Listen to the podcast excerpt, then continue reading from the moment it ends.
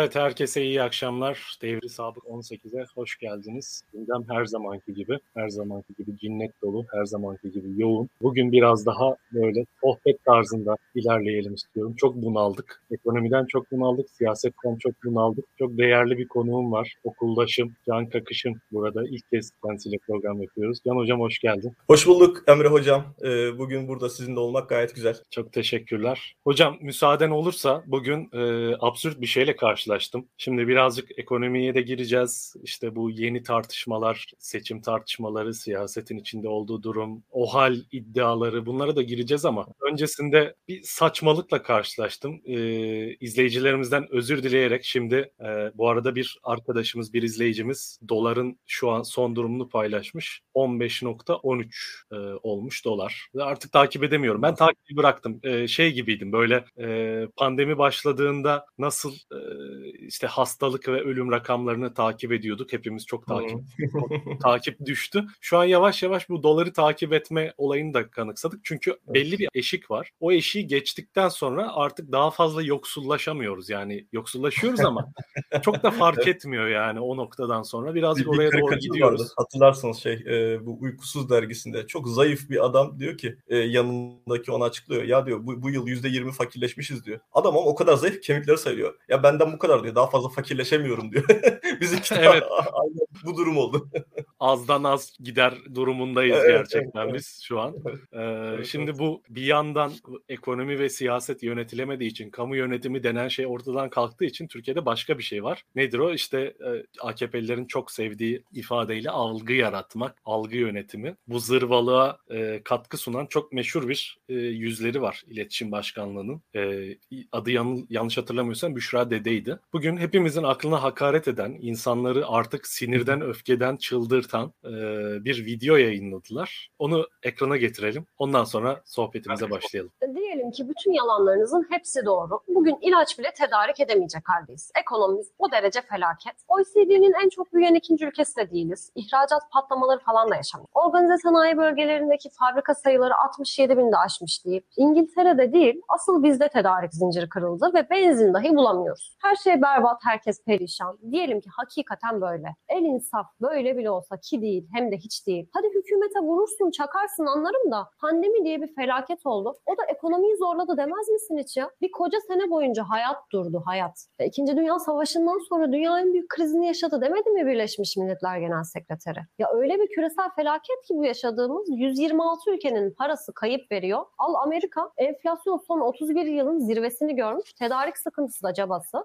Almanya ve İngiltere de sanha keza. İngiltere'de millet istasyonlarda kavgaya tutuştu. Almanlar Avusturya ve Çekya sınırındaki benzin istasyonlarına akın etti. Ama bu ülkelerde bir Allah'ın kulu da çıkıp hükümetlerine ekonomiyi çökerttiniz demedi. Ki buralarda ekonomi hakikaten çöktü. Bizde ise çökmediği halde çöktü diyorsunuz. Çökmedi. Dolar yükseldi, enflasyon arttı diye ekonomi çökmez. Büyümesi rekor seviyede artan bir ülkenin ekonomisine çöküyor demek için ya ahmak ya da ahlaksız olmak lazım. İkincisi pandemi daha da uzasın. Her iş yeri kapansın, her yerde hayat dursun diye Canan Kaftancıoğlu'nuz ölüp ölüp diriliyordu. Hatırladınız mı? Yarın maliyeti ne olur diye zerre düşünmeden bol keseden sallıyordu. Allah'tan onun hayalindeki pandemi olmadı. Ama sonunda şu illete karşı bir pandemi yaşadık işte ve illaki bir maliyeti de olacaktı. Oluyor da. Buna rağmen bizde üretim arttı, ihracat arttı, istihdam arttı. Ne tedarikte bir sıkıntı yaşadık ne ilaç bulmadan. Tersine Allah günü bir şehir hastanesi açtı bu hükümet. 7 milyon aileye 10 milyar lira destek verdi. 7 bin işletmeye 78 milyon, 165 bin kişi 250 milyon lira yardım yaptı. Aylık ihracatımız 20 milyar doları geçti.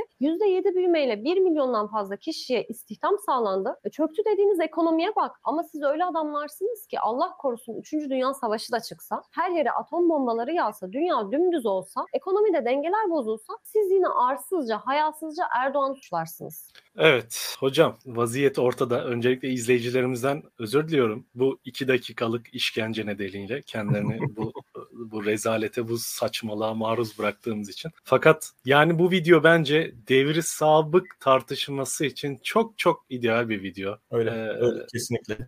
Hocam bunlar ne olacak? Bu bu bu bu yani şu an beslenen, semiren bu e, halka para karşılığında yalan söyleyen halk ben e, açıkça söylüyorum halk düşmanlığı yapan, maaş alıp halk düşmanlığı yapan bu insanlar ne olacak yarın? Ne düşünüyorsun bu konuda? E, bunların e, zaten şu anda da bir itibarı yok. Bunların e, kendi çevreleri e, nezdinde de bir itibarı yok. E, yarın e, belki bunların e, kendi sadece e, o dar e, tanıdıkları nezdinde bir şu anda e, kullanışlılıkları var. O da kalmayınca yüzlerine bakan olmayacak ve kesinlikle e, artık bunlar zaten bizim gözümüzde hiçler. E, fakat e, toplumun e, tümünün istisnasız hepsinin hiç olarak yaşamaya devam edeceklerdir. E, burada tabii şunu çok önemsiyorum. E, bu devri sabık tartışmalarının e, sulanmaması ve gerçekten e, hak edene hak ettiği cezanın bedelin e, ödetilebilmesi, cezanın verilebilmesi adına e,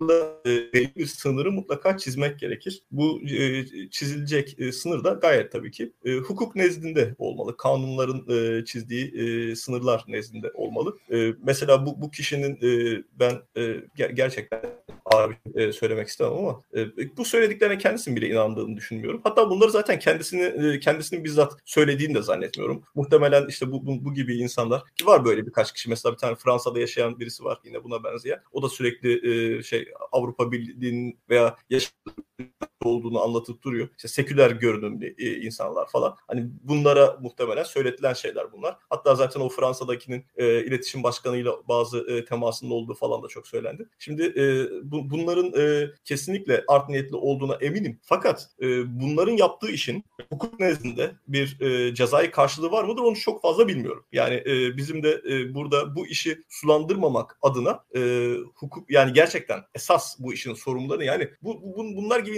insanları değil. Bunlara bunları söyletenleri e, bu noktada sorumlu tutabilmek adına o sınırı e, kanunsuz suç olmaz çerçevesinde hı hı. mutlaka çizmemiz gerekli. E, bu kişinin yaptığı kesinlikle bence ahlaka mugayirdir. Bunu e, kesinlikle söyleyebilirim ve e, ben, benim nezdimde affı olmaz ama adli bir yargılanmayı gerektireceğini yani zannetmiyorum açıkçası.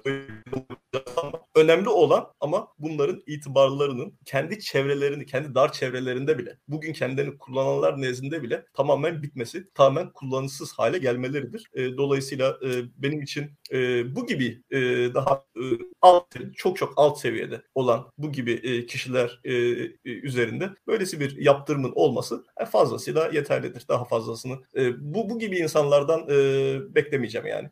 Yani bu burada hukuki değil siyasi bir yaptırım aslında siyaseten bir yargılama Hı-hı. olması gerektiğini düşünüyorsun bu gibi insanlar evet, için ama evet, bence şu da şu da mümkün olabilir. E, gelir kaynaklarının araştırılması varsa bu gelir el, e, kaynaklarının gelir elde etme süreçlerinde bir usulsüzlük işte kamu kaynaklarının evet. usulsüz bir şekilde kullanılması, buradan temin edilen haksız zenginleşme, sebepsiz zenginleşme gibi şeyler varsa bunlar da e, yargı konusu olabilir. Tabii ki benim benim de kesinlikle katılıyorum. Devri sabık ifadesi ve devri sabık yani geçmişle hesaplaşabilme, hukuksuzluklarla hesaplaşabilme yine hukuk çerçevesinde belli bir anayasal çerçevede bir toplumsal mutabakat çerçevesinde olması gerekiyor. Bu konuda en fikrim ama e, şu da bir hakikat ki e, tetikçilik yapıyorlar. E, insanların gerçekten hayatlarıyla oynuyorlar. Tabii. Gerçekten bu konuda e, toplum ger- çok öfkeli, çok e, birikmiş durumda. Bunu paylaştım ve bugün gelen yorumlara baktım bununla ilgili. E, müthiş bir e, gerçekten nasıl dizginleneceğini bilmediğim bir e, bıkmışlık, ezilmişlik, yorulmuşluk, bunalmışlık var. Evet, evet, evet. Bu yani cinnet iklimi, siyasi cinnet iklimi dememin nedenlerinden biri de aslında bu. Türkiye gerçekten e, çok hastalıklı bir hani hasta adam ibaresi vardı ya Osmanlı için. Evet, evet, evet. Şu an Türkiye yine bir hasta adam ancak sadece devletiyle, kurumlarıyla, siyasetiyle değil toplumuyla da hastalığa gark edilmiş durumda maalesef ve gerçekten e, hepimizin iyileşmeye ihtiyacı var. Bu videoyla açmış olalım. Tabii ki bu videonun neden bizim için önem arz ettiğini de şuraya bağlayarak söyleyelim. Yeni bakanımız Nurettin Nebati ve AKP'nin uyguladığı e, akıl almaz ekonomi politikaları. Artık bunlara politika diyebilir miyiz bilmiyorum.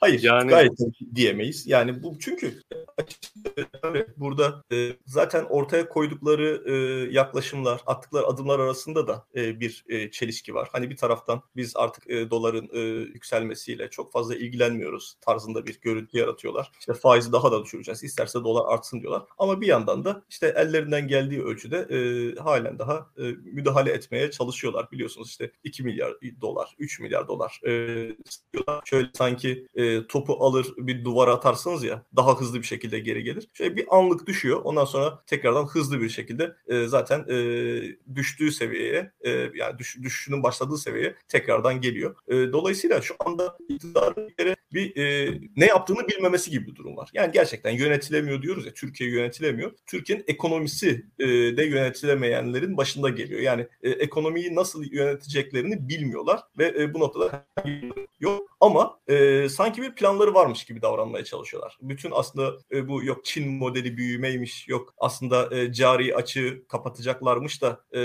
biz e, ithalatı e, kısacakmışız, daha fazlalaşacakmış. E, yok efendim üretim modeli e, oluşturacakmışız falan filan. Bunların hepsi tamamen hikaye. Böyle bir düşün. Böyle beklentileri falan yok yani. Şimdi uzunca bir süre e, doları belirli bir seviyede tutmaya çalıştı bunlar. Bakın e, bunun için hatta o biliyorsunuz seçime giden e, süreçte 128 milyar e, doları heba ettiler. Ondan sonra da yine bunu belirli bir seviyede tutmak için çok fazla çabaları oldu. O dönemde Berat Albayrak şey olmuştu ya. Bakın siz dolar 8 lira 10 lira olacak diyordunuz ama olmadı deyip e, o, da, o dönemde beklendiği kadar artmamasıyla övünüyordu. Yani bakın siz öyle dediniz ama olmadı. Demek ki onlar için çok önemliydi. Ha, ama bir yerden sonra artık bunların e, dolara e, müdahale edebilecekleri herhangi bir enstrüman o yüzden de bizim aslında e, şu andaki e, durum zaten planladığımız hatta bizim tercih ettiğimiz bir süreç. O yüzden her şey bizim kontrolümüz altında gibi göstermeye çalışmaları. Sadece e, mevzu bundan ibaret. E,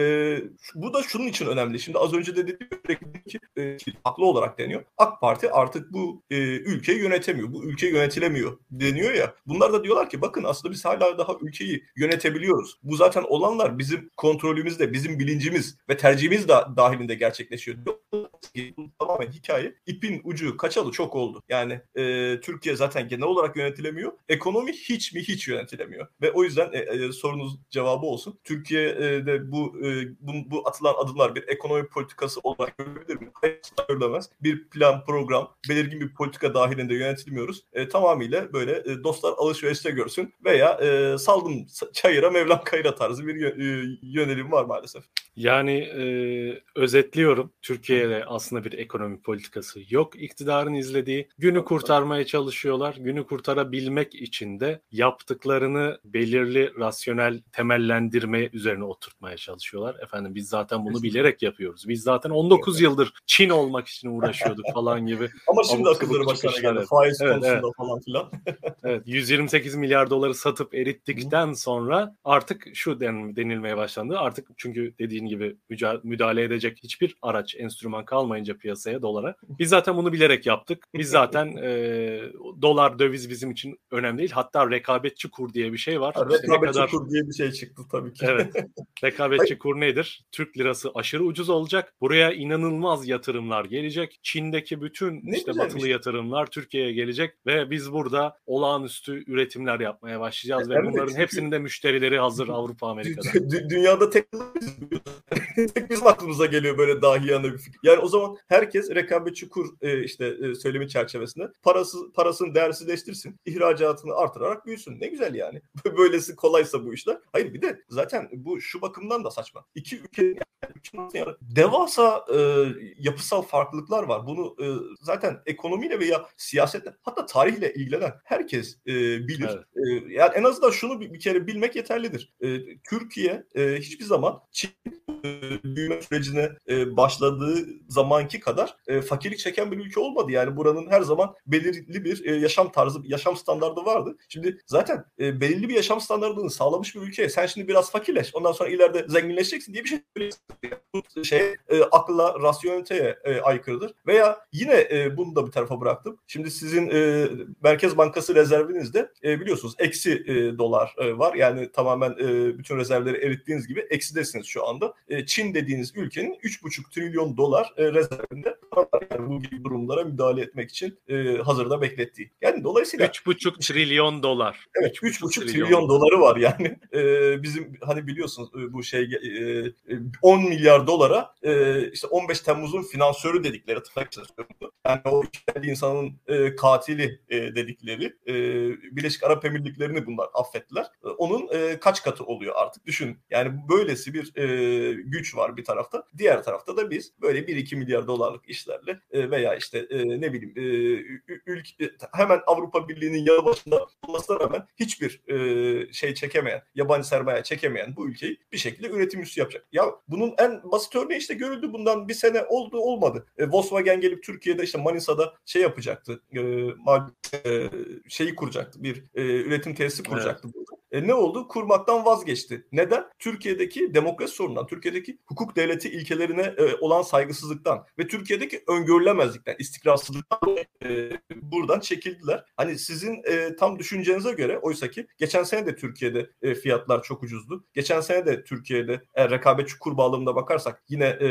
dolar Türk lirasına karşı çok değerliydi. Gelip burada bunu kurabilirdi. Ucuz iş gücü yine var. Şu anda şu anda iyice ucuzladı ama geçen sene de Çin'deki asgari ücretten daha ucuzdu. Ama buna rağmen Türkiye'ye yabancı sermaye geçen sene de gelmedi. Demek ki her ülkenin e, gerçeklikleri birbirinden farklı. Yani burada şunu e, unutuyorlar. bir tez vardır ya hani e, ne kadar demokratikleşirsen o kadar zenginleşirsin tarzında olan bir e, tez. İşte bazıları da diyorlar ki Çin çok mu demokratik? Çin demokratik değil. Tamam bunu kabul ediyorum ama Çin zaten hiçbir zaman demokratik olmadı. Yani e, onların normaliyle Türkiye'nin normali aynı değil. Türkiye batının çeperinde olan bir ülke. Türkiye normallerinin gerisine düşmüş durumda şu anda. Çin ise normallerin ötesinde. E, dolayısıyla yani burada o ülkeler arasındaki e, yapısal farklılıkları e, bir kere hiç hesaba katmadan e, ancak bu az önce gö- gördüğümüz gibi insanları konuşturarak e, bugün belki görürsünüz şey, röportajı olmuş. Diyor ki adam ya do- dolar diyor ne olacak? Dolar dünyanın her yerinde 14 lira diyor. Bir şey fark etmez falan diyor. ancak böyle insanları kandırırsınız. Böyle insanlara söyletirsiniz. Böyle insanları da kandırırsınız. Ama Türkiye'nin e, yakın çok daha e, ciddi ekonomik problemlerle karşılaşacağı da kesin. Evet yani bir yandan gülüyorum. Ee, yani izleyicilerimiz kusura bakmasın böyle. Ağlanacak halimize gülüyoruz değil mi? evet çok mutlu ve çok eğleniyor gibi görünmek istemem. Yani bir, bu bir hayatta kalma stratejisi artık şu an yaşadığımız koşullar altında. Ee, yani hayatta kalma stratejisini bu arada mecazi olarak söylemiyorum. Literally yani kelimenin gerçek anlamıyla söylüyorum. Neden söylediğimi de yansıtayım ekrana hemen. Az sonra bir VTR daha vereceğiz. Ben ilaçlarını eczaneden temin edemiyorum. Üçüncü muadile geçmiştik. Artık o da yok piyasada. Bulgarlar da geliyor. Eczanelerdeki ilaçları alıyorlar. Memle- memleketin haline yazık. Bu e, Yüce'nin bizim editörümüzün yazdığı bir mesaj. Aynı zamanda bunu doktorlar hali hazırda sosyal medyada paylaşıyor bu durumu. İlaçlara erişim gerçekten zorlaşmış durumda. Medikal malzeme temininde ciddi sıkıntılar var. Ankara'da şehir hastanesinde çalışan bir yakınım ziyaret etti beni. O anlattı. Birkaç gün yani bir e, trafik kazası geçirmiş bir hasta birkaç gün bacağındaki kırıklarla hastanede yatmak durumunda kalmış. Hiçbir müdahale yapılamadan, ameliyat edilemeden. Çünkü hastanenin elinde medikal malzeme yok ve doktorlar evet. şunu söylüyor. E, gidip kendiniz temin edin çünkü medikalciler devlete artık mal vermiyor. Çünkü devlet çok uzun bir süredir aldığı e, malın, emtianın parasını bu insanlara ödeyemiyor. Ödediği zaman da evet. çok komik bir şu anki kurun üçte biri fiyatına neredeyse bir kur hesaplaması üzerinden ödüyor. Bunların hepsi ithal biliyorsunuz ve dolayısıyla bu insanlar zarar ediyor. E, ticaretin karşılığını alamıyor. Kimse babasının hayrına bu işi yapmaz. Kimse e, yani bu insanlar bu işten sonuçta ekmek parası kazanıyor, karnı doyurmaya çalışıyor. Büyük yatırımcıysa bir sistemi döndürmeye çalışıyor vesaire. Fakat vaziyet sağlık sistemindeki bu çöküşe kadar ve hayatta kalmaya çalışma çabasının artık kelimenin gerçek anlamıyla bir tezahürüne kadar gelmiş durumda. E, uygunsa bu vetereyi verebiliriz şimdi. Evet bir görüntü olarak almışız bunu. Video sanıyordum ben e, Edirne'de bir eczaneden bir görüntü. Zaten bu videoları izledik daha doğrusu e, bir soka- sokak röportajları yapılmıştı Bulgaristan'dan gelenlerden. E, bir habermiş bu da. Oradan bir bir eczaneden bir görüntü. E, ilaçlar Türkiye'de aşırı ucuz olduğu için buradaki hastaların erişebileceği ilaçlara, erişmesi gereken ilaçlara vatandaşlar erişemiyor. Dahası bir de e, aşırı ucuzluk nedeniyle yurt dışından, sınır komşularımızdan gelen ticaret, alışveriş talebi var. Buraya gelip arabalarıyla pazar sepetlerini adeta çuvallarını doldurup doldurup gider bir vaziyette artık insanlar. E bunu şöyle savunuyorlar işte bizde mal var, üretim var o yüzden geliyorlar. Hayır efendim bu ilaçların çoğunu biz üretmiyoruz. Ürettiklerimizin de e, önemli bir kısmında ham madde temininde vesairede dışa bağımlıyız, ithalata bağımlıyız. E, bunu buradan gelip alıyorlar çünkü paramız aşırı değersiz, emeğimiz aşırı değersiz ve emeğimizin değersizleşmesi, paramızın değersizleşmesi bir devlet politikası olarak, bir hükümet politikası olarak şu an kullanılıyor maalesef. Şimdi e, buradan şu yeni bir tartışma penceresi açıldı aslında bir iki gündür. Buna gelmek istiyorum hocam müsaaden olursa. E, Türkiye'de bir OHAL tartışması aslında bir süredir vardı. Muhalefet içerisinde Türkiye'de e, iktidarın kolay kolay olağan yollardan seçime gitmeyeceği endişesi vardı bir kısım muhalefet içerisinde. Bu e, 7 Haziran deneyimimiz ortada. 2015'ten 7 Haziran seçimlerinden sonra yaşadığımız şey ortada. E, Türkiye kapitalizminin her sıkıştığı anda başvurduğu otoriterleşme yöntemleri deneyimi de toplumsal muhalefetin belleğinde hala canlı. 12 Eylül meselesi ortada. Yani 12 Eylül'de aslında Türkiye e, neoliberalizme geçebilmek için ciddi bir o dönemki toplumsal muhalefeti emek e, piyasasını baskılamak durumundaydı. Bunun için 12 Eylül önemli bir işlev gördü. 24 Ocak kararları ve neoliberalleşme e, sistemi, e, projesi hayata koyulabildi. E, yakın zamanda yine bir MGK bildirisi deneyimimiz var. İşte AKP hükümet e, sanki uyguladığı ekonomik politikalar arkasında bir askeri mutabakat varmış gibi bir izlenim yaratmaya çalıştı. Topluma böyle bir mesaj vermeye çalıştı belli çevrelere. E, fakat e, son yanlış, yanlış hatırlamıyorsam iki gün önce Erdoğan'ın da uzun yıllar hukuki danışmanlığını yapmış olan İzzet Özgenç, hukukçu akademisyen, e, yeni anayasadaki belli maddelere referansla e, aslında bu maddeler eskiye dayanıyor ancak belli bir yoruma referansla dedi ki ekonomik yıkım neticesinde OHAL uygulama gibi bir yönteme başvurulabilir. İşte Türkiye'de aslında bu ekonomik siyasetlerin bu uygulanan kararların ardında böyle bir sahik var. Türkiye OHAL'e gidebilir gibi bir iddia ortaya attı ve aslında uzun süredir toplum tarafından tartışılan bu konu e, tekrar canlı bir şekilde önümüze düştü. Hocam bir buçuk sene kadar bir zaman var seçime eğer zamanında olacaksa ki ben aslında erken seçim olacağını düşünüyorum ama sen bu hususta ne düşünüyorsun? Yani bu ekonomik çöküş sürdürülemezliği e, bizi nereye götürecek siyaset çerçevesinde? Evet şimdi e, ben e, bu e, İzzet Özgenç'in e, yazdıklarıyla alakalı sosyal medya hesabında bir yorumda yaptım. Şunu söyledim. E, ya kendisini e, e, ilgi alanına sokmaya çalışanlar yani onun e, gözüne girmeye çalışanlar absürtlük çıtasını sürekli daha yukarı taşıyor. E, ama bunu da yapmakta haklılar. Çünkü karşılığını alıyorlar. Yani bu Nurettin Nebati de e, işte bir iki e, tweet serisi e, paylaştı e, kendi sosyal medya hesabından. Yani tamamıyla mantıksız. Yani ben bir siyaset bilimci olarak e, çok kolayca çürütebilirim orada yazılanları. E, ekonomik e, gerçeklikler olmasına rağmen ve benim e, alanım ekonomik olmasına hatta ben de şey demiştim ya ben bundan daha iyi ekonomi bilirim herhalde falan demiştim. E, kendisi ekonomist ama ben ondan daha iyi bilirim demiştim. Nitekim kendisi ekonomist de değilmiş. Bunu sonra öğrendik. E, şimdi onun bu e, saçma tweet serisinden sonra. E, şimdi bu bey de çıkıyor. O da bu absürtlük çıtasını daha da yukarı e, taşıyor. E, o zaman insan ister istemez düşünüyor. Şimdi bakan olma e, sırası bu kişiye mi geldi diye. E, dolayısıyla evet e, zaten hükümetin e, bu noktada e, Türkiye'deki e, durumu veya e, ne bileyim ekonomik sorunları sürekli bir e, dış e, mihrakların işi, bir e, işte şey e, üst akılın oyunu gibi sunma gibi bir yaklaşımı var. Veya e, piyas piyasayı polisiye tedbirlerle e, bir şey e, düzenleme gibi bir yaklaşımı var. Doğru. Ama e, bunu e, için bunun için öncelikle kamuoyunun hazırlanması e, gerekiyor. Yani bu ya kamuoyunun hazırlanması için e, söylettirilen bir şey ya da bu kişinin dediğim gibi çok basit bir şey. Reisin gözüne sokmalı yani reisinin gözüne sokması için e, düşündüğü ve hayata geçirdiği bir şey. Sanırım ikincisi e, gerçek, gerçekleşti. Çünkü e, Numan Kurtulmuş bu noktada bir açıklama yaptı ve e, bunun e, söz konusu olmayacağını söyledi. E, bu kişi kendisi şimdilik düşündü ve e, dile getirdi. Ancak e, bence hani derler ya şey e, yöneticilerin iktidar sahiplerinin kulağına bir kar suyu kaçırmıştır. Yani onlar da önümüzdeki süreçte bunu e, hayata geçirebilirler. Çünkü biz ilk defa gördük ki bir MGK bildirisinde böylesi bir ekonomi e, politikası işte sahiplenilsin falan. Yani saçma bir şey gerçekten. Hiçbir e, elle tutulur yanı yok. Siz e, bir ekonomi politikası ben ondan sonra bana göre politika bile değil. Siz bunun e, arkasında durduğunuzu ifade ediyorsunuz. Bu neden e, sıkıntılıdır, sakıncalıdır? Şundan dolayı. Şimdi siz e, Türkiye'nin ulusal güvenlik meseleleriyle ilgili e, konularda e, fikir bildirirken e, size bazı sınırlar çizer MGK. Bak bu konuya girme. Bu konuya girersen eğer Türkiye'nin ulusal güvenlik meseleleriyle ilgili aykırı bir fikir ortaya koymuş olursun. Bundan dolayı da bedel ödersin demektir aslında bu. Yani ekonomi konusunda bile yorum yapmayın diyorlar aslında bize. Söylenen bu.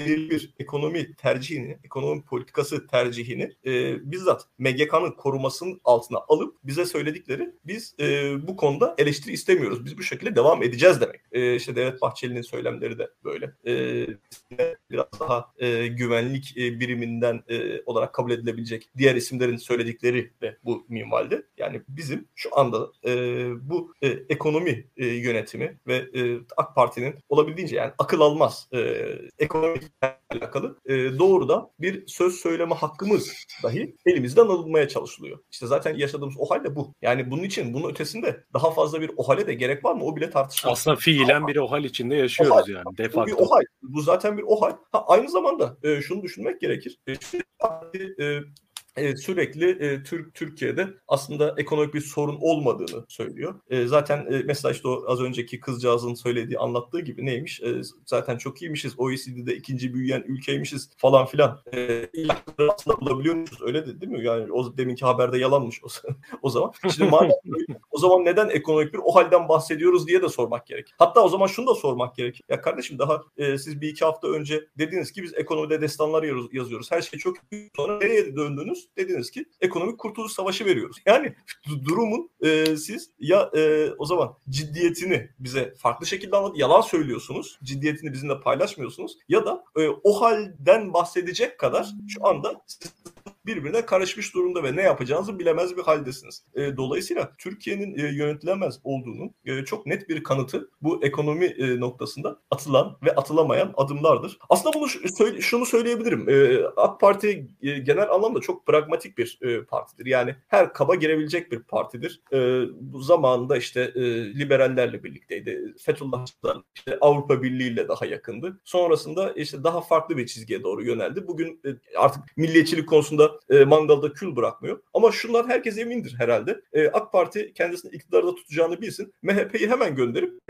HDP ona e, onu kabul edecek e, olsa eğer. Bunu yapabilir. Yani birisinden %5 diğerinden 15 alacağını bilsin. Hemen MHP'yi bırakıp HDP ile devam edebilir veya hemen işte Osman Kavala'yı, Selahattin Demirtaş'ı vesaire serbest bırakabilir. Avrupa Birliği ile yeniden e, görüşmeleri e, başlatmak e, onun elini kolunu bağlayan bir de MHP gerçeği var. Bunu şunun için söylemiyorum. Hani AK Parti aslında iyi ama MHP onu kısıtlıyor demek için söylemiyorum. Ama AK Parti çok pragmatik. AK Parti ilkesi olmayan bir parti. E, MHP ise e, bu noktada onun e, önünde net bir engel oluşturuyor. Hatta bu biliyorsunuz e, yüzde 50 50'lik e, barajın düşürülmesi noktasında da yine MHP ona destek vermedi. Çünkü yüzde 50'nin e, terk edilmesi bu yöndeki e, AK Parti'nin MHP'ye olan ihtiyacını da e, daha e, şu anda tam bir sıkışmışlığı var. Ne MHP ile olabiliyor ne MHP'siz olabiliyor. Ne askerlerle olabiliyor ne askersiz olabiliyor. Ne sermayedarlarla olabiliyor ne sermayesiz olabiliyor. Ve e, son sürat böyle şeye doğru duvara doğru gidiyor. E, şu anda gördüğüm bu benim. Şimdi e, seyircilerimiz, izleyicilerimiz arasında böyle bir şey tartışması var. Kılıçdaroğlu'nun adaylığı tartışması var. O konuya evet. az sonra geleceğiz. Onu da konuşalım. E, çünkü yani bence mesele kimin Cumhurbaşkanı olacağından ziyade hangi ekonomik ve siyasi programın Türkiye'de seçime gireceği ve Erdoğan sonrasında Türkiye'yi yöneteceği meselesi ama tabii ki de bir de kazanılması gereken bir seçim var ve bununla ilgili de tartışmalar dönüyor Türkiye'de. Çünkü e, siyasi kültürde liderler, kişiler çok önemli. Buna az sonra gelelim ama bu konuştuklarımızla ilgili şöyle bir mesele de var. Ee, Türkiye'de e, ben şöyle bir şey yazmıştım bundan birkaç hafta önce. AKP iktidara geldiğinden beri Türkiye'yi çok yakın zamanda çok başka bir e, platforma taşıyacağını işte bakın bakın çok biraz bekleyin çok acayip şeyler olacak Türkiye'de. Çok müthiş şeyler yapacağız. Şöyle olacak işte ilk başta Avrupa Birliği süreci vardı. Avrupa Birliği'ne gireceğiz mükemmel olacak falan e, şeyleri vardı, iddiaları vardı. Sonra bunlar bir süre sonra e, yalan oldu. Çeşitli ekonomik siyasi gerekçelerle AKP'nin Avrupa Birliği ile arası bozulmaya başladı. Sonra Arap Baharı başladı. Orta Doğu'da orada bir Osmanlıcılık e, furyası yükselmeye başladı Türkiye'de. Yeni Osmanlıcılık. İşte Osmanlı olacağız. Yeniden e, kaybettiğimiz topraklara hükmetmeye başlayacağız. İşte asrın lideri, dünya lideri Erdoğan falan gibi e, propagandalar yapıldı. Bu da bir süre sonra çöktü. Şu an işte yeni önümüze koyulan şey Çin olmak olarak. ben özetliyorum. E, üçten fazla tabii ki bu yani üç tane hedef saydım ben. Fakat AKP tıpkı e, Can Hocam'ın söylediği gibi periyodik olarak e, o günkü ihtiyaçlarına göre o zamanı kurtarmaya, o günü kurtarmaya hatta seçimi kazanmaya yönelik ihtiyaçlarına göre çok pragmatik davranıp ittifaklarını değiştirebiliyor, siyasi hedeflerini değiştirebiliyor, siyasi programını değiştirebiliyor. Sanki bir programı, bir e, bir üst ideolojisi her zaman bağlı kaldığı, izlediği bir hedefi varmış gibi davranmaya çalışıyor ve ben bunun böyle olmadığını hatta AKP'nin Türkiye'yi İslamlaştırma projesinin dahi pragmatik bir şey olduğunu hep iddia ettim. İşte bununla ilgili tartışmalar oldu, e, beni eleştirenler oldu fakat e, tamamen bunların e, çok Türkiye'nin aslında hafızasızlığına, toplumun e, belleksizliğine seslenen e, pragmatik çıkışlar olduğunu düşünüyordum. E, şu anda yine Türkiye'nin önüne bir 6 aylık süre konuluyor bu uygulanan ekonomik politikalarla ilgili. Bakın 6 ay sonra neler yapacağız, muhteşem olacak falan gibi. O yüzden ben bir şey hatırlatmak istedim. Bunu sık sık hatırlatıyorum. E, bu VTR'yi verelim. Süleyman Soylu'nun geçtiğimiz bahar aylarında yanlış hatırlamıyorsam bir videosu vardı. E, veya yaz başında diyebiliriz. Afyon'da bir yerel seçim tekrarı yapılıyordu bir belediyede. E, neler diyordu? İzleyelim. Söyleyeyim. Ama başkaları çok çatlayacaklar. Kıskanacaklar. Göreceksiniz. Temmuz ayından itibaren benim ülkemin ekonomisi öyle bir atağa kalkacak ki, öyle bir sıçrayacak ki, öyle bir büyüyecek ki, etrafımızdaki Almanya'sı da, Fransa'sı da, İngiltere'si de, İtalya'sı da, hele o her şeye burnunu sokan Amerika'sı da çatlayacak, patlayacak. Hazır mıyız buna? Evet. Hazır mıyız buna? Biz hazırız. Vallahi, vallahi hazırdık ama göremedim.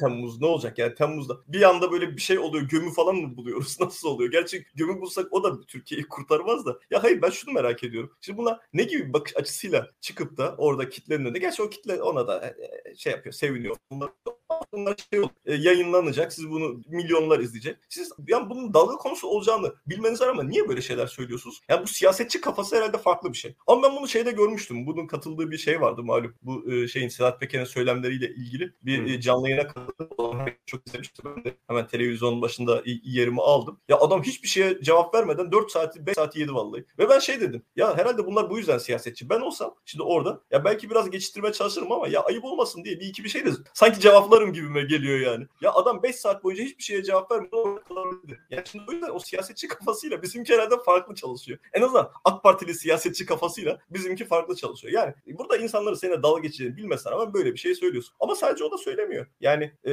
Erdoğan dememiş miydi şey diye e, kardeşinize, yetkiyi verin bakın dolarla euroyla nasıl e, mücadele ediliyor hepsini göreceksiniz falan diye. E, gördük yani. E, gördük. Yani şimdi bu bunlar söylenmişken ve buradan hiçbir şey e, çıkmamışken e, bundan sonraki sözlere neden inanalım? Ha zaten kendileri de inandı. Olmazsa da üzülürüz canım ne yapalım dedi. Yani orada e, milyonların ocağı sönecek belki. Ha, senin tek söylediğin şey e, olmazsa üzülürüz. Ha bir de tabii ki tek şey değil bir de şeyi söyledi. Ya ne olacak ki zaten aldığınız bir maaş onu da kaybederseniz bakın asıl parayı ben götürüyorum malım mülkümü e, tehlikeye atıyor. Eminim ki atmıyordur. Eminim ki atmıyordur. Ama yani ben şunu da anlayabilmiş değilim. Ya kardeşim siz e, ülkenin başına bakan getiriyorsunuz. Ya kalifiye olması gerekir değil mi bu insanların? Ya hep böyle lafları edecek adamları nereden bulup getiriyorsunuz? en yerlere. Yani Emre sen de fark ediyorsunuz. Bu sadece şeyle bakanlarla ilgili falan değil. Ya ben bakıyorum mesela bir yerde böyle ne konuştuğunu bilmeyen falan filan bir adam. Diyorum ki ben bu ülkeyi tanıyorsam bu adam kesin bir yere gelir. Bu ülkede kesin bir yere geliyor ve mutlaka da geliyor. İşte o pali diyen adam için dedim bu da bu yerlere gelebilir diye. Zaten bir e, şey yapıyor. İşte bakın ben buradayım falan e, diye o da dikkat çekmeye çalışıyor. Herhalde o biraz erken e, çıktı e, yola. Biraz e, o onun sorunu olabilir. Şimdi bu İzzet Özgenç tabii e, bir süredir muhalefet ediyor güya iktidara E, ve işte açıklamasından sonra özür diledi. Ben onu kastetmedim falan filan dedi ama e, Numan Kurtulmuş dedikten belli onu ama değil mi? Evet evet tabii. Hı. Ama bu iktidarın şöyle bir olayı var. Yani çok kendisinin çok karşısında görünen, çok hoplayıp zıplayan isimleri alıp e, bir yerlere getiriyor. İşte malum bakanlar ve Evet. yardımcılarını biliyoruz. Ad- Süleyman Adlarını zikretmiyorum. Evet Numan Kurtulmuş keza öyleydi. Süleyman Soylu öyle. Tabii tabii tabii. Yani e, şey bu, bu bu işte yine az önce söylediğim hususla alakalı galiba. Sen de Pragmatizm. değil mi? Ya biz bir şey deriz yani biz bunu yapamayız deriz. Ha, o pragmatizm zaten var. Bir de kişisel olarak yani siyasetçi AK Parti'ye yakın, AK Parti'ye yakın olacak siyasetçi kafası bu. E, yani yok ya biz bunu yapamayız biz bunu. Yani zaten e, sana bana kalsa e, bizim gibi e, insan eli kalem tutan insanlara kalsa ya bizim için çok zor değil ki AK Parti için bir şeyler yazıp e, oradan yürümek, devam etmek falan zor bir şey değil.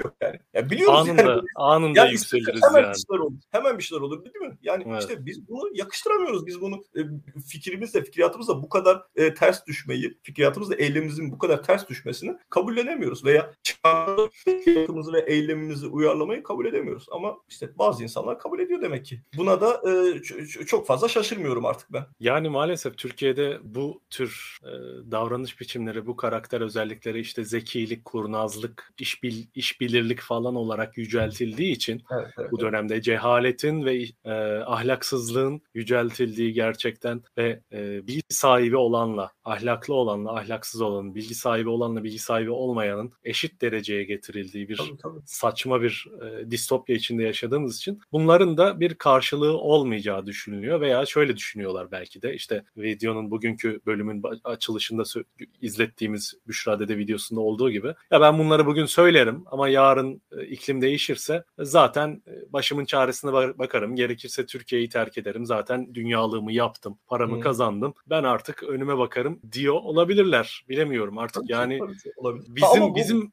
aklımız bu- bunları anlamakta, idrak etmekte güçlük çekiyor. Biz e, biz bunları evet hakaret düşünürüz ama bak bir şey söyleyeyim Emre. E, Büşra eğer böyle düşünüyorsa haklı da olabilir. Yani şöyle düşünüyorsa haklı olabilir. Ya ama ne kim hatırlayacak ki beni falan. E, ne olacak? Türkiye'de her şey olursun, rezil olmazsın. Evet, Zaten toplum evet. balık hafızalı.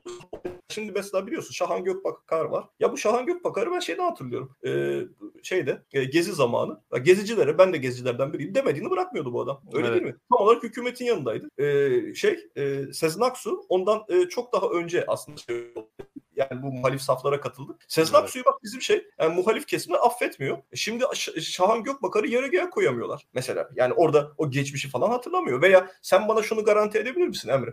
Ee, şimdi şu anda e, bazı gazeteciler var. Ee, şey. Yani e, önümüzdeki süreçte bu sistem değişirse ve bunlar da tabii ki fikrini değiştirince onların hürmet görmeyeceği, itibar görmeyeceğini garanti edebilir misin? Bence onların arasında e, hürmet görecek olanlar var. Yani ben bunu şeyden de görüyorum. Mesela şimdi bazen muhalif gidiyoruz oradaki insanlarla görüşüyoruz. Onlar kendileri bana şikayet ediyorlar. Diyorlar ki ya bu daha düne kadar şeyin hükümetin doğrudan yanındaydı. E şimdi geldi bu da bizim başımıza muhalif oldu falan diyorlar. Yani bazı insanlar da bahsediyorlar. Bugün yani televizyonda, gazetede vesaire.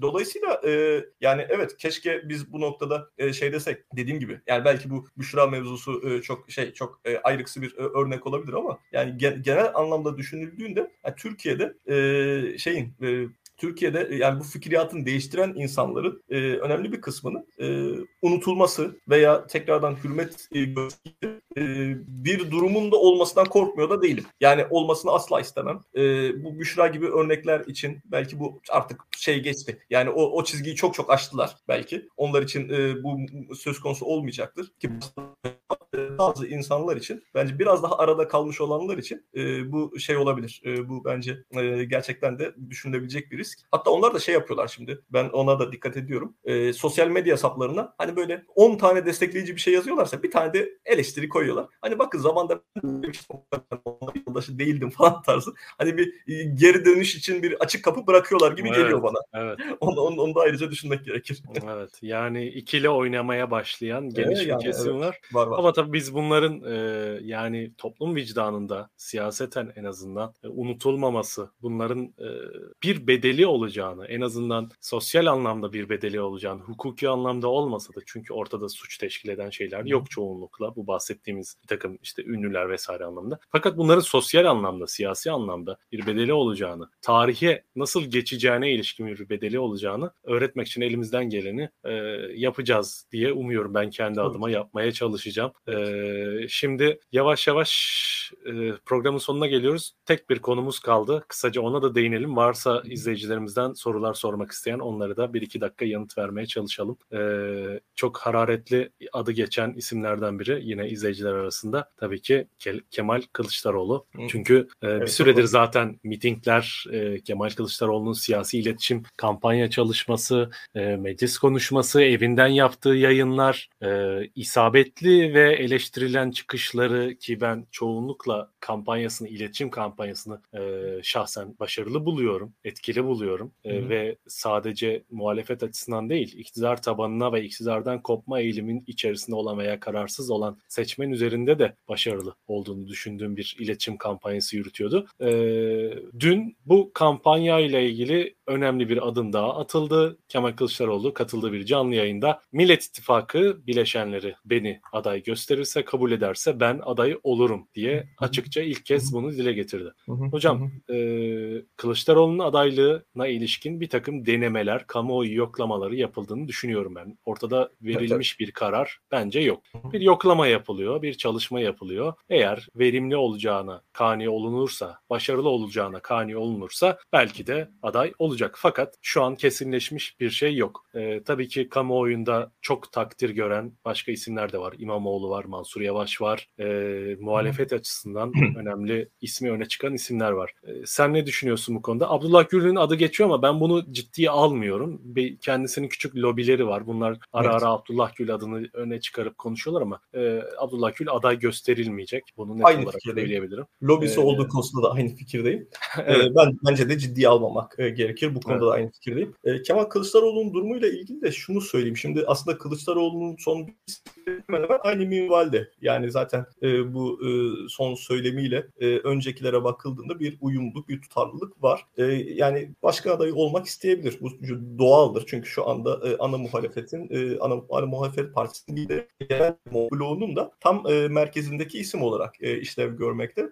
E, peki Cumhurbaşkanı olmak için uygun bir profil mi Kemal Kılıçdaroğlu? Bence evet. Yani ben e, Kemal Kılıçdaroğlu'nun Cumhurbaşkanı olması çünkü Türkiye'nin bugün ihtiyaç duyduğu husus kere toplumda çok ciddi bir cepheleşme var. Bu fay hatlarını giderecek, toplumu birbirine yakınlaştıracak, hukuk devleti ilkelerini çalıştıracak, e, piyasalara güven verecek, yabancı sermayenin gelmesine e, vesile e, olacak ve Türkiye'nin dış ilişkilerini düzenleyecek e, bir e, profilin e, gelmesi. Şu anda bizim ihtiyacımız olan bu. Kemal Kılıçdaroğlu böyle mi? Bence böyle. Ha, ama e, Kılıçdaroğlu'ndan iyi bir cumhurbaşkanı adayı olması onun illaki seçileceği anlamına gelmiyor. Temel e, mevzu bu. E, bana göre e, ki bu, bu konuda ama e, onlar da hemen hemen zaten bu düşünceyi e, aynı şekilde e, yansıtıyorlar. Bana göre kazanma ihtimali en yüksek olan aday Ekrem İmamoğlu. Yani ben Ekrem İmamoğlu aday olursa e, kazanma ihtimalini e, son derece yüksek görmekteyim. Fakat Kılıçdaroğlu da çünkü e, e, sen de az önce söyledin. Onunla ilgili ben benim de kendince duyumlarım var. Şu anda e, sürekli kendisinin e, Cumhurbaşkanlığı adayı olmasıyla ilgili yani ne, ne kadar bir şansı olacağıyla ilgili anketler yaptırıyor. Yani demek ki e, kendisi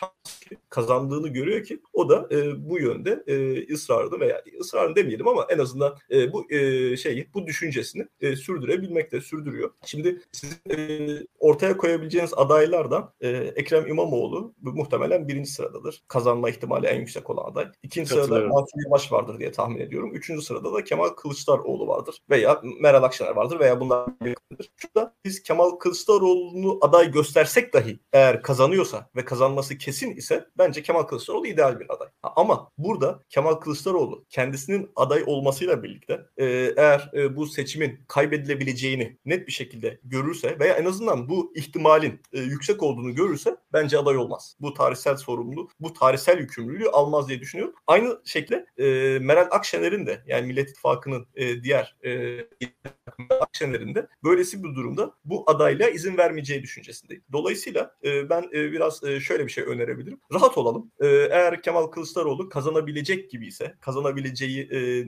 anketlerde yani anket dediğim bilimsel çalışmalarda bu uyduruk şeyler gerçekten bunu kazanabileceği görülüyorsa e, ve e, bu noktada e, gereken hazırlıklar evet e, bize bir sonuç verecek gibi gözüküyorsa aday olabilir. Ha böyle değilse zaten ve gerçekten de Kılıçdaroğlu'nun adaylığı e, Türkiye'de iktidarın değiştiği bir umut vaat etmiyorsa veya e, e, Erdoğan'ın tekrar kazanması gibi bir kabus senaryosunu bizim önümüze getirebilecekse bunu ne Kılıçdaroğlu kabul eder ne de bunu Meral Akşener onaylar diye tahmin ediyorum. O yüzden ben bizi izleyen arkadaşlarımıza, dostlarımıza biraz daha rahat olmalarını, işlerini müşteri tutmalarını söyleyebilirim.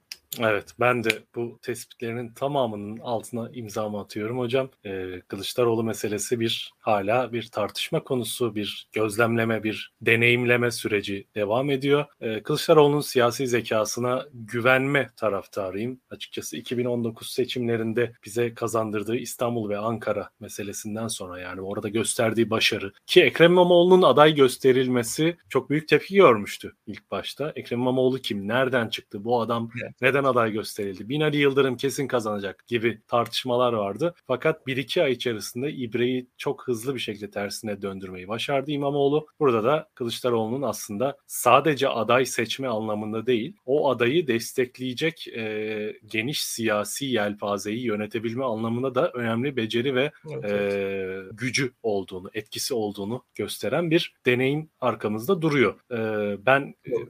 kişisel tanışıklıklarım itibariyle de bu bahsettiğimiz duyumlar ve gözlemler itibariyle de Kılıçdaroğlu'nun e, kaybetme ihtimali varsa, kazanma ihtimali yoksa kendisini aday olarak e, ittifakın önüne atmayacağını düşünüyorum ben de. Şu an konuşulmayan üçüncü bir aday çıkabilir veya bahsettiğimiz gibi İmamoğlu veya Mansur Yavaş aday olabilir diye düşünüyorum ben de. E, biraz ben de içimizin bu anlamda rahat olması gerektiği taraftarıyım. E, yani bir temenniyle bitirelim. Her şey çok güzel olacak. İnşallah. Zaten e, olasılığımız da Emre kalmadı. Yani dibe evet. vurduk. Artık bunun bir çıkışın olması gerekiyor. Ee, şimdi artık şeyden bahsediyoruz. Hayatta kalma stratejilerinden bahsediyoruz.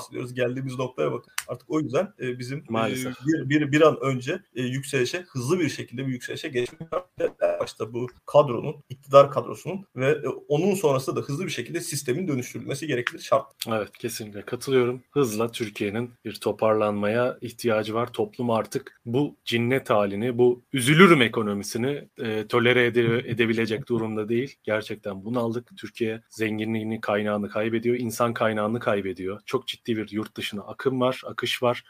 ee, önceki gün paylaştım. Öğrenciler, gençler artık yurt dışına gitme hayalleri ilkokul düzeyine kadar inmiş durumda. Birçok veli evet, de bu teyit ediyor. Ee, gerçekten insanlar Türkiye ile bağını koparma noktasına, buradan zihinsel olarak kopma noktasına gelmiş durumda. Bunu e, tersine döndürmek zorundayız. Üçüncü, ikinci bir seçeneğimiz yok. E, bu süreç buraya gidecek. Zor olacak belki ama e, tekrar ediyorum. E, umarım her şey çok güzel olacak. Can Hocam çok teşekkürler. Ben Katıldığın. teşekkür ederim Emre. Ee, seninle birlikte olmak güzeldi. Ee, en, en kısa zamanda inşallah bizzat da görüşürüz. İnşallah. E, onu da ayarlayalım, organize edelim. Buradan herkesin önünde de sözleşmiş olalım. E, çok değerli yorumların için hocam. Çok teşekkür ederim. Umarım izleyenler de keyif almıştır. Lütfen e, yayınımızı beğenmeyi, paylaşmayı, kanalımızı takip etmeyi ve paylaşmayı unutmayın diyelim. Yorum yapmayı unutmayın diyelim. Destek yorumu da olsa bize yorum yapın. Bir sonraki devri sabıkta, yeni devri sabıklarda görüşmek üzere. Kendinize iyi bakın.